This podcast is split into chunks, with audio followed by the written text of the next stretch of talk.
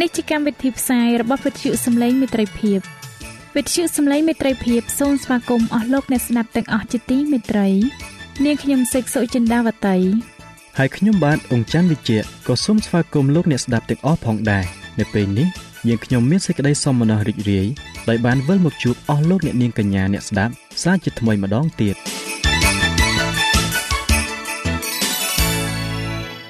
នាងខ្ញុំសេកសុចិន្តាវតី សូមជម្រាបជូនកម្មវិធីផ្សាយដែលមានជាបន្តបន្ទាប់ដូចតទៅនេតិជួបជាមួយព្រះបន្ទូលនេតិបទទំនាយនិងប្រវត្តិសាស្ត្រចា៎លោកអ្នកស្ដាប់ជាទីមេត្រី នាងខ្ញុំសូមគោរពអញ្ជើញអស់លោកលោកស្រី អ្នកនាងកញ្ញាតាមដានស្ដាប់កម្មវិធីផ្សាយរបស់វិទ្យុយើងខ្ញុំដូចតទៅ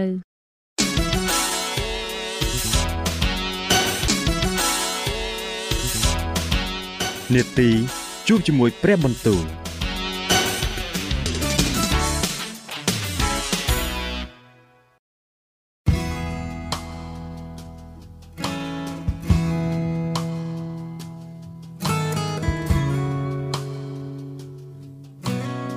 ចាអស់លោកអ្នកស្ដាប់ជាទីមេត្រី ជាដំបូងនាងខ្ញុំសូមអញ្ជើញលោកអ្នកនាងស្ដាប់នេតិជួបជាមួយព្រះបន្ទូលនេតិនេះនឹងលើកយកព្រះបន្ទូល ពីព្រះគម្ពីរនេហេមៀដែលនឹងជម្រាបជូនដល់លោកអង្ចាន់វិជ្ជៈដូចតទៅ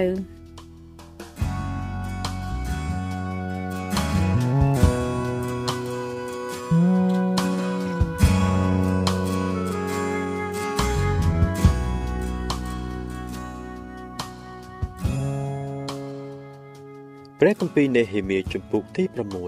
6លុះកាលដំណឹងបានលើទៅដល់សានបាឡាតនិងថូប៊ីយ៉ា ព្រមទាំងកេសែមជាសាអារ៉ាប់និងពួកខ្មាំងសត្រូវយើងឲ្យទៀតថាខ្ញុំបានធ្វើកំផែងរួចជាស្រេចឥតមានទីបាក់បែកណានៅសល់ទៀតឡើយទោះបើគ្រានោះមិនទាន់បានដាក់ផ្ទាំងសន្លឹកទ្វារឡើងក្នុងអស់ទាំងទ្វារនៅឡើយក៏ដោយនោះសានបាឡាត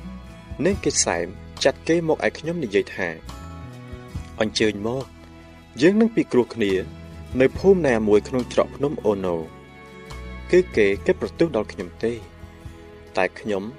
ចាត់មនុស្សឲ្យទៅប្រាប់គេវិញថាខ្ញុំកំពុងតែធ្វើការមួយយ៉ាងធំខ្ញុំនឹងចោះមកមិនបាន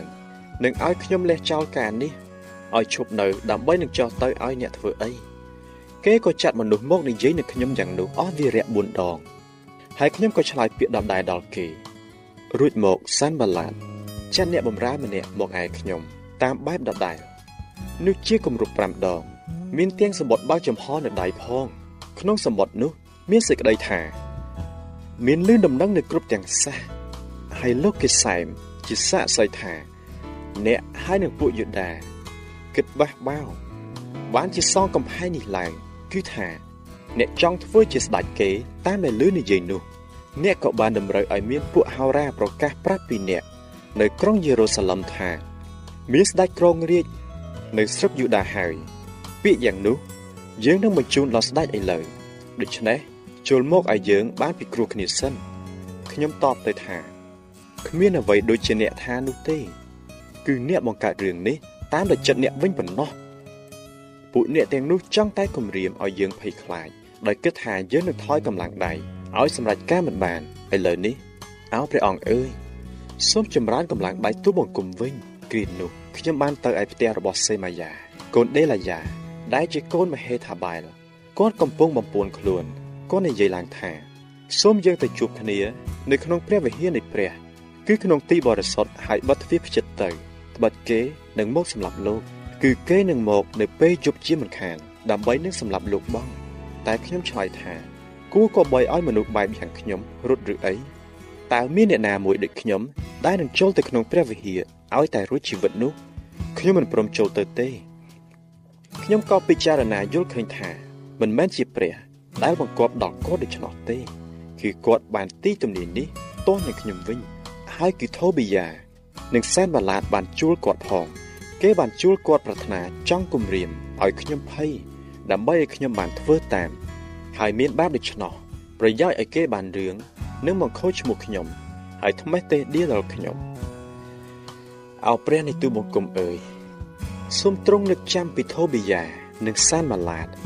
តាមការដែលគេធ្វើទាំងនេះ ហើយពីនាងណូអាឌៀជាហោរានិងពួកហោរាឯទៀតតែចង់ឲ្យទូបង្គំកើតមានសេចក្តីភ័យខ្លាចផងដូច្នេះនៅថ្ងៃទី25ខែផុតបុត្រនោះកំផែងបានធ្វើរួចជាស្រេចគឺក្នុងរវាង52ថ្ងៃ កាលពួកខ្មាំងសត្រូវរបស់យើងទាំងប៉ុន្មានបានលឺនោះសះដតីទាំងប៉ុន្មាន ដែលនៅជុំវិញយើងក៏ភ័យខ្លាច ហើយគេក៏ទ្រាំចោះជាខ្លាំងនៅភ្នែកខ្លួនគេ ដោយយល់ឃើញថាការនោះកើតឡើងអំពីព្រះនៃយើងទេ ក្នុងរវាងនោះពួកអ្នកធំក្នុងសាសយូដា គេក៏ធ្វើសម្បត្តិជាច្រើនច្បាប់ទៅថូប៊ីយ៉ាហើយមានសម្បត្តិរបស់ថូប៊ីយ៉ាមកដល់គេវិញដែរត្បិតមានមនុស្សជាច្រើននៅស្រុកយូដាបានស្បន់នឹងគេដោយព្រោះគាត់ជាកូនប្រសាររបស់សេកានីជាកូនអេរ៉ាសមួយទៀតយូហាណាន ជាកូនប្រុសរបស់គាត់បានយកកូនស្រីរបស់ស៊ូឡាម ជាកូនបេរីគាធ្វើជាប្រពន្ធគេក៏និយាយពីការល្អរបស់គាត់នៅចំពោះពួកខ្ញុំហើយក៏នាំយកពាក្យខ្ញុំទៅប្រាប់គាត់ដែរគឺថូបេយ៉ានេះហើយដែលផ្ញើសម្បត្តិមកគម្រាមឲ្យខ្ញុំភ័យព្រះគម្ពីរនេហេមៀចំពុកទី7រីឯកាលកំផែងបានសង់ឡើងជាស្រេចហើយខ្ញុំបានដាក់ផ្ទាំងសន្លឹកទ្វារទាំងប៉ុន្មាន រួចបានតម្រូវពួកឆ្មាំទ្វារពួកចម្រៀងពួកលេវីឲ្យធ្វើការងារទៅ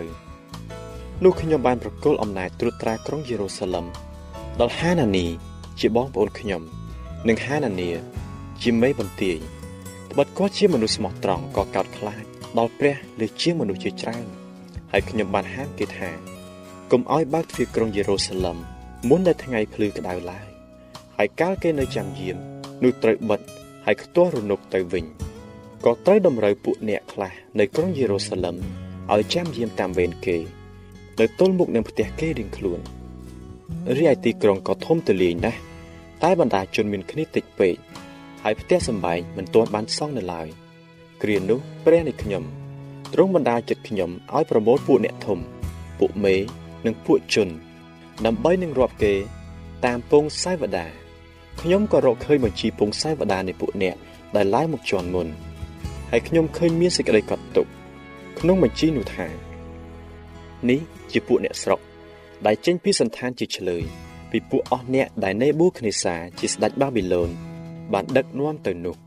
ហើយបានវិលមកឯក្រុងយេរូសាឡឹមនិងស្រុកយូដាវិញ គ្រប់គ្នាដល់ទីក្រុងរបស់គេរៀងខ្លួន ជាពួកអ្នកដែលបានមកជាមួយនឹងសេរូបាបែលយេស៊ូ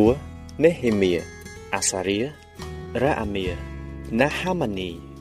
ម៉ាដេកាយប៊ីលសានមីសពេរ៉េតប៊ីកវ៉ៃនេហ៊ូមនិងបាអាណានេះជាចំនួននៃពួកមនុស្សសាសអ៊ីស្រាអែលគឺពួកបារ៉ូសមាន2172នាក់ពួកសេផាធាមាន372នាក់ពួកអេរ៉ាសមាន652នាក់ពួកផាហាតម៉ូអាប់ ខាងកូនចៅយេស៊ូនិងយូអាប់មាន2818នាក់ពួកអេឡាំមាន1254នាក់ពួកសាធូមាន845នាក់ពួកសាកាយមាន760នាក់ពួកប៊ីនុយមាន648នាក់ពួកបេបាយមាន628នាក់ពួកអាស្កាតមាន2322នាក់ពួកអាដូនីកាម មាន667នាក់ពួកប៊ីកវ៉ៃមាន2067នាក់ពួកអេឌីនមាន655នាក់ពួកអេធើខាងហេសេគៀមាន98នាក់ពួកហាស៊ូមមាន328នាក់ពួកបេសាយមាន324នាក់ពួកហារ៉េបមាន112នាក់ពួកគីបៀនមាន95នាក់ពួកបេតលេហឹមនិងពួកនធោផាមាន188នាក់ ពួកអាណាថោតមាន128នាក់ពួកបេតអាស្ម៉ាវេតមាន42នាក់ពួកគីយ៉ាត់យ៉ារីមកេភីរ៉ានិងភីអ៊ីរ៉ុតមាន743នាក់ពួករ៉ាម៉ានិងពួកកេបាមាន621នាក់ពួកមីកម៉ាសមាន122នាក់ពួកបេតអែលនិងអៃមាន123នាក់ពួកនៅក្រុងនេបូមួយទៀតមាន52នាក់ពួកអេឡាមួយទៀតមាន1254នាក់ ពួកហារីមមាន320នាក់ពួកយេរីខូមាន345នាក់ពួកឡូតហាឌីតនិងអូណូមាន721នាក់ពួកសេណាមៀមាន3930នាក់ឯពួកសង្ឃនិងពួកកូនចៅយេដាយ៉ាខាងវងរបស់យេស៊ូមាន973នាក់កូនចៅអ៊ីមើមាន1052នាក់កូនចៅផាសហឺមាន1247នាក់ កូនចៅហារីមមាន1017នាក់ឯពួកលេវីក្នុងពួកកូនចៅយេស៊ូនិងកាតមៀលខាងវងរបស់ហូដាវីមាន74នាក់ឯពួកចម្រៀងក្នុងពួកកូនចៅអេសាបមាន148នាក់ឯពួកឆ្មាំទ្វារក្នុងពួកកូនចៅសាឡូមកូនចៅអេធើកូនចៅថាល់ម៉ូនកូនចៅអាគូបកូនចៅហាធីថា និងកូនចៅស៊ូបាយរួមទាំងអស់មាន138នាក់ ឯពួកនេធីនីមគឺមានពួកកូនចៅស៊ីហាកូនចៅហាសុផានិងកូនចៅថាបាអូត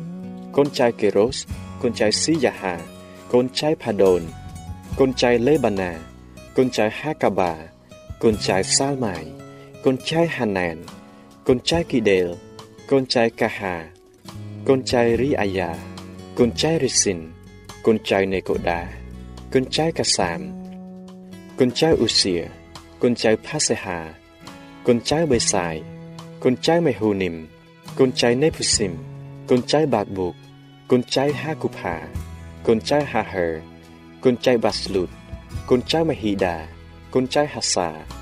កូនចៅបាកូសកូនចៅស៊ីសេរ៉ាកូនចៅថាម៉ាកូនចៅនេស៊ីយ៉ានិងកូនចៅហាធីផាឯពួកកូនចៅរបស់ពួកអ្នកបម្រើសាឡូមោន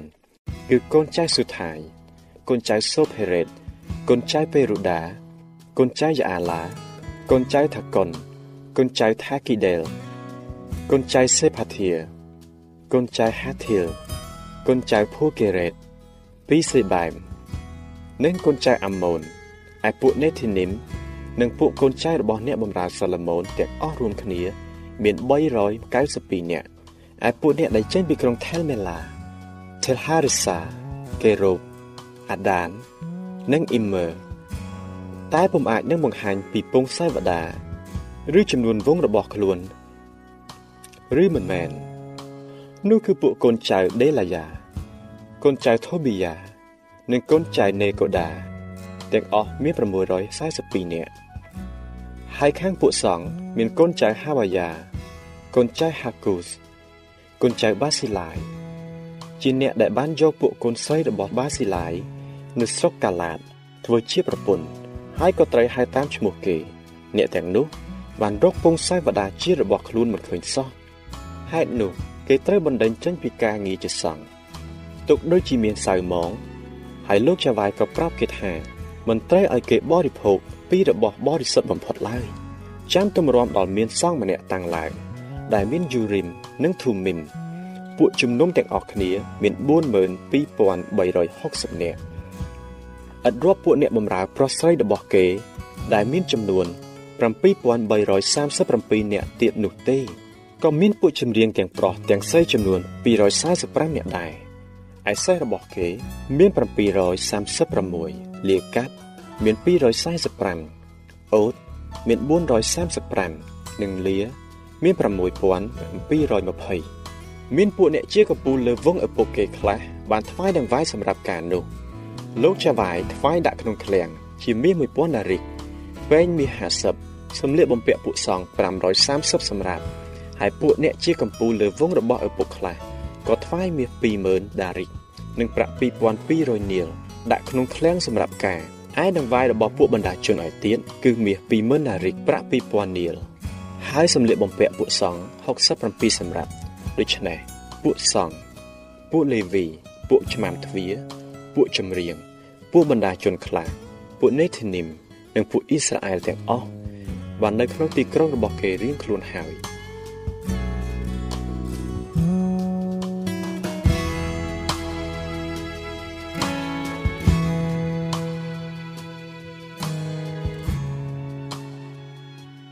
ចា៎ប្រិយមិត្តអ្នកស្ដាប់ជាទីមេត្រី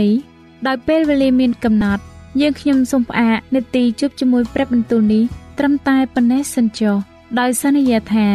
នឹងលើកយកនីតិនេះមកជម្រាបជូនជាបន្តទៀតនៅថ្ងៃច័ន្ទសប្តាហ៍ក្រោយ សូមអរគុណ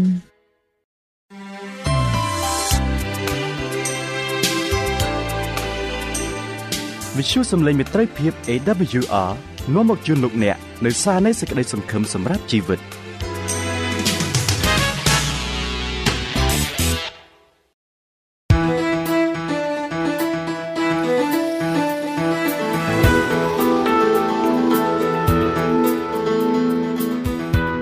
សូមជូននីតិបទទំនាយនិងប្រវត្តិសាស្ត្រ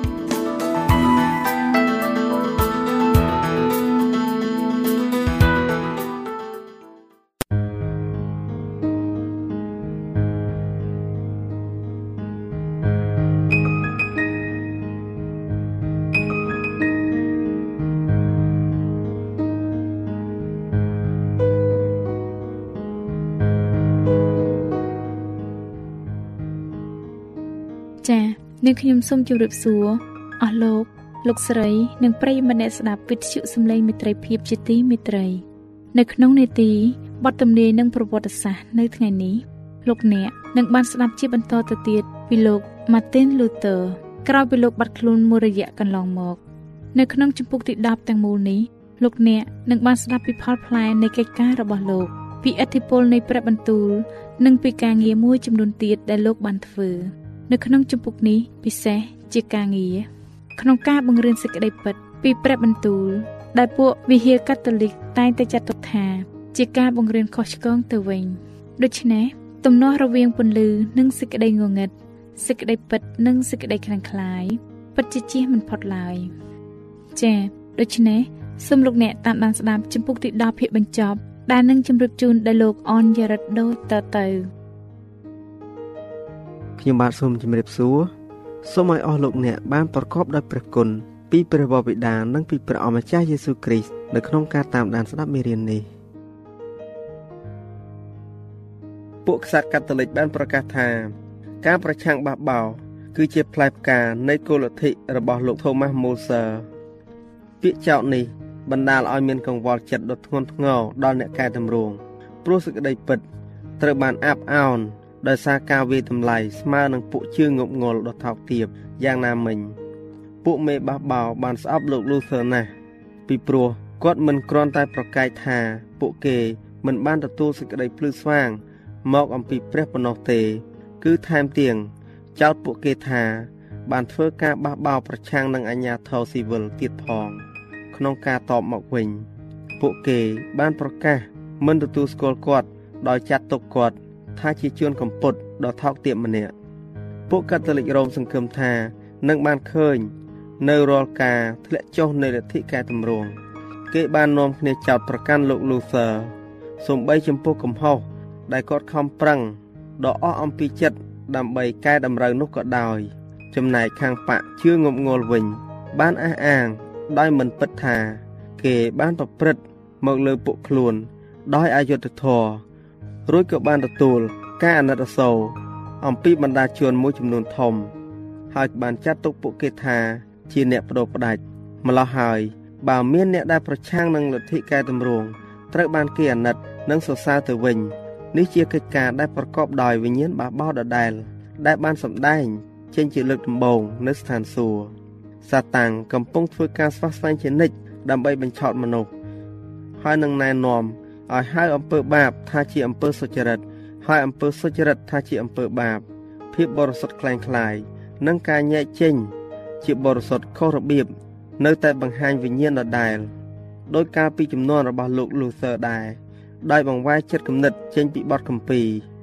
ហើយនឹងដឹកនាំមនុស្សទៅតាមអារម្មណ៍និងការចាប់អារម្មណ៍របស់ខ្លួន ជាជាងបន្ទាន់ទៅតាមច្បាប់របស់ព្រះលោក Martin Luther បានក្រោកឡើងច្បាំងការពារដំណឹងដែលទទួលការវាយប្រហារពីគ្រប់ជ្រុងជ្រោយ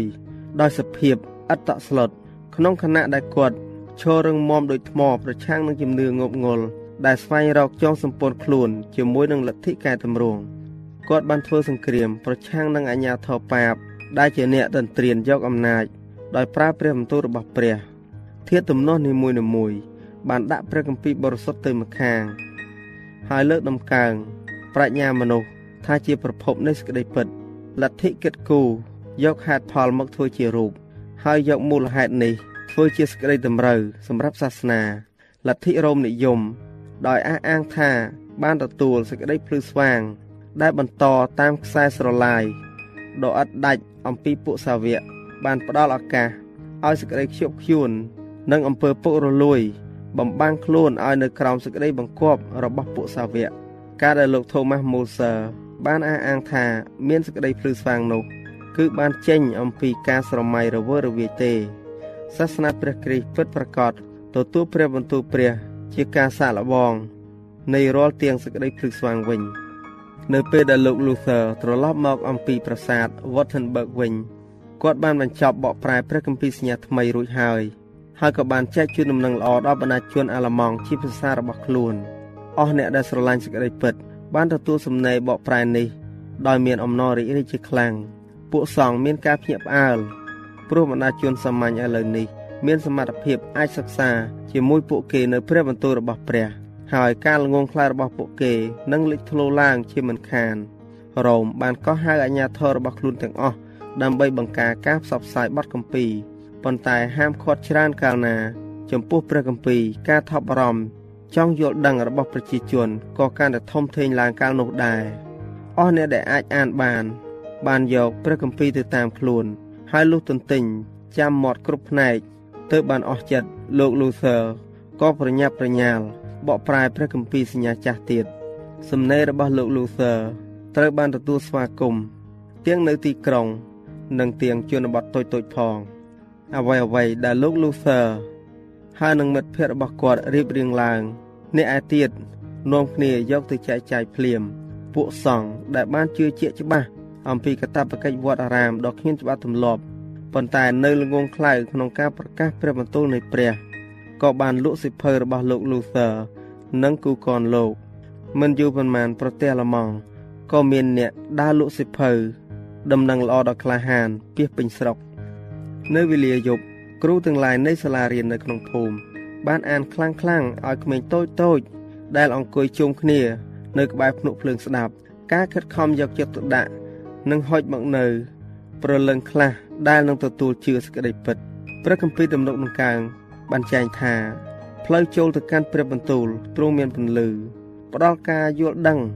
ដល់ជនសាមញ្ញព្រះគម្ពីរទំនុកនឹងកាងជំពូក119ខ130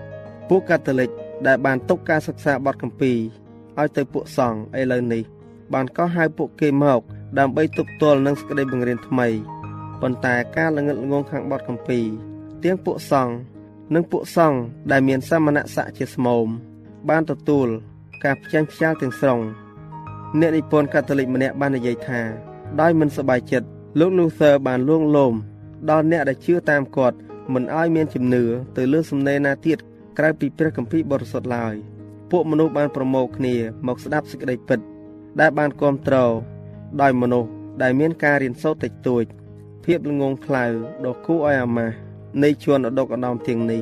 ត្រូវបានធ្វើឲ្យឃើញច្បាស់ក្រឡែត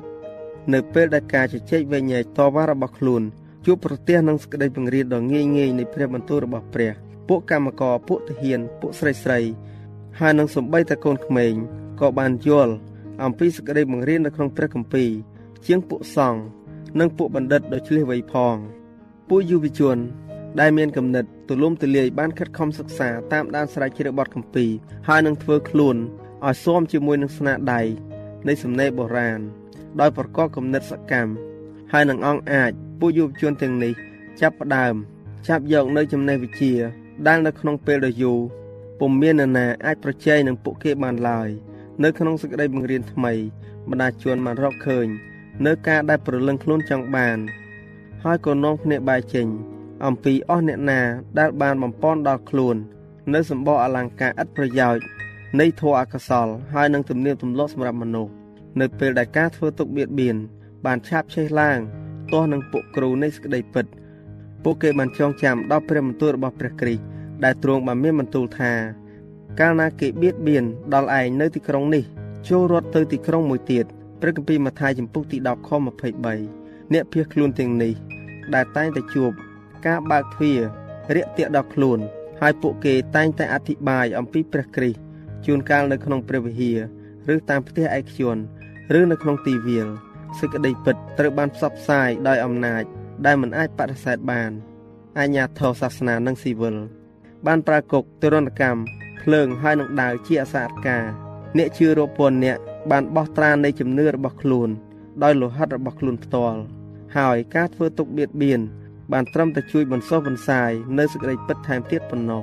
រីឯជំនឿងប់ងល់ដែលសតាំងបានខ្នះខ្នែងបង្រួបបង្រួមជាមួយសេចក្តីពិតនោះបានហុចលទ្ធផលធ្វើឲ្យឃើញច្បាស់ថែមទៀតនៅការផ្ទុយគ្នារវាងការងាររបស់អរិយនិងការងាររបស់ព្រះ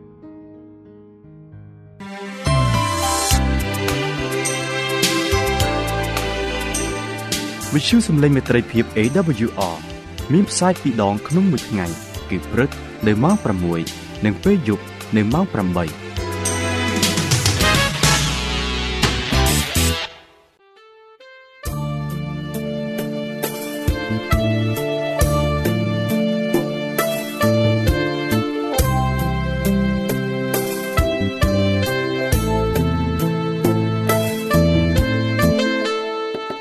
ជាលោកអ្នកមានសំណួរឬសំណុំពរអ្វីសូមតាក់ទងមកការិយាល័យវិទ្យុយើងខ្ញុំ តាមអាស័យដ្ឋានផ្ទះលេខ15ផ្លូវលេខ568សង្កាត់បឹងកក់2ខណ្ឌទួលគោករាជធានីភ្នំពេញលោកអ្នកក៏អាចសរសេរសម្បត្តិផ្ញើមកយើងខ្ញុំ តាមរយៈប្រអប់សម្បត្តិលេខ488ភ្នំពេញឬតាមទូរស័ព្ទលេខ012 34 96 64ឬ097 80 81 060ឬក៏តាមរយៈអ៊ីមែល vol@awr.org យើងខ្ញុំរងចាំទទួលស្វាគមន៍អស់លោកអ្នកនាងដោយក្តីសោមនស្សរីករាយហើយលោកអ្នកក៏អាចស្ដាប់កម្មវិធីនេះឡើងវិញដោយចូលទៅកាន់ website របស់វិទ្យុយើងខ្ញុំ តាមរយៈអាស័យដ្ឋាន www.awr.org